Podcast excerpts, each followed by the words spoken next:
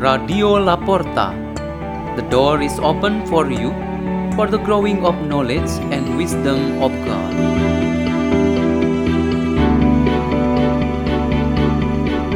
by Mark Jason Garcia, parishioner of St. John Bosco, Danau Sunter, Jakarta.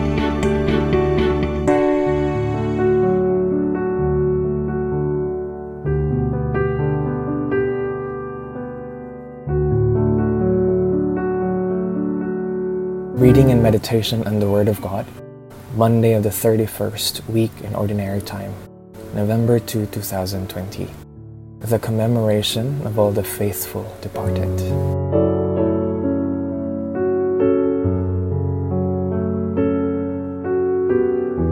The reading is taken from the Holy Gospel according to John.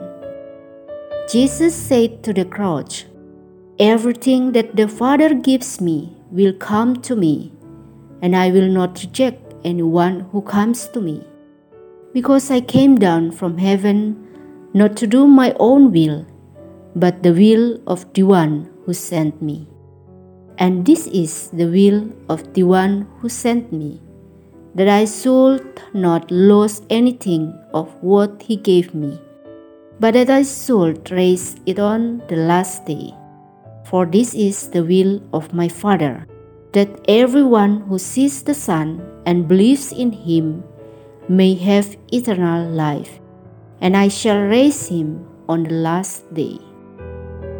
The Gospel of the Lord.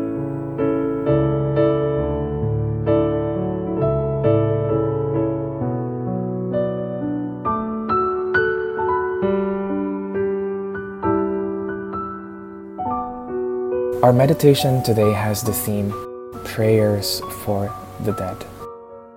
Today, the whole church commemorates all the departed believers are brothers and sisters of the same faith in Christ.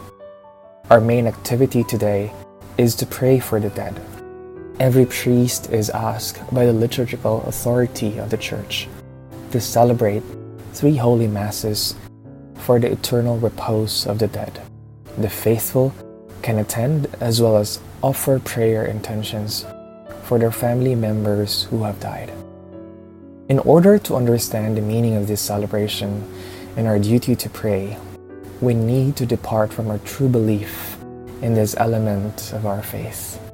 In the prayer, I believe, we express our faith in the bodily resurrection and the gift of eternal life. Our departed family members and neighbors are helped by the prayers of the entire church that they may be granted the gift of resurrection, and eventually they come to enjoy the everlasting life in heaven. When we say eventually they enjoy the eternal life in heaven, means something of great significance. This means that there is a process that the souls of our brothers and sisters go through before they enter heaven. We call this purgatory. The teaching of the purgatory is a very particular element of faith in the Catholic Church that highlights the purification of souls. They need to be refined in the holy fire in order to become totally pure. Their unforgiven sins and the consequences of sins will be ultimately cleansed. They suffer some sort of pain because of this refinement. However, they cannot help themselves. They are basically spirits who do not have all the possibilities to gather and to pray. Therefore, they really need support through our prayers. We, who are still on earth, are the ones with all possibilities to pray and offer sacrifices. Our first reading, taken from the second book of Maccabees, specifies two forms of help that we can offer for them, namely prayer and sacrifice. A prayer consists of the simplest and spontaneous or personal one to the most majestic one, such as the solemn celebration of the Eucharist on Easter Sunday. Our sacrifices can be in the form of giving some goods or money as the offerings for the intentions of the church and doing charity works by helping out the poor ones in our society. The teaching of purgatory, which demands prayers and sacrifices from us, its purpose is for the resurrection and eternal life of spirits. And this is part of the contribution of the church. God's share is a constant gift. That is, Jesus has risen and has provided a place for each of his followers. He willed that none of his followers should be lost. This part of God is final, so those who have died in Christ have their status approaching heaven. Purgatory becomes the means of preparation.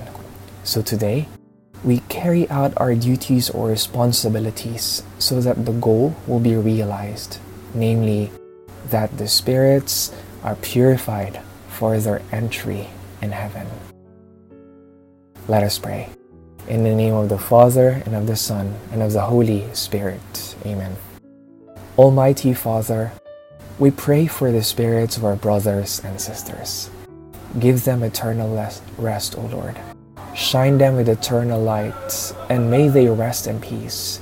Amen. Glory be to the Father, to the Son, and to the Holy Spirit, as it was in the beginning, is now, and ever shall be, world without end. Amen. In the name of the Father, and of the Son, and of the Holy Spirit. Amen. Radio La Porta. The door is open for you.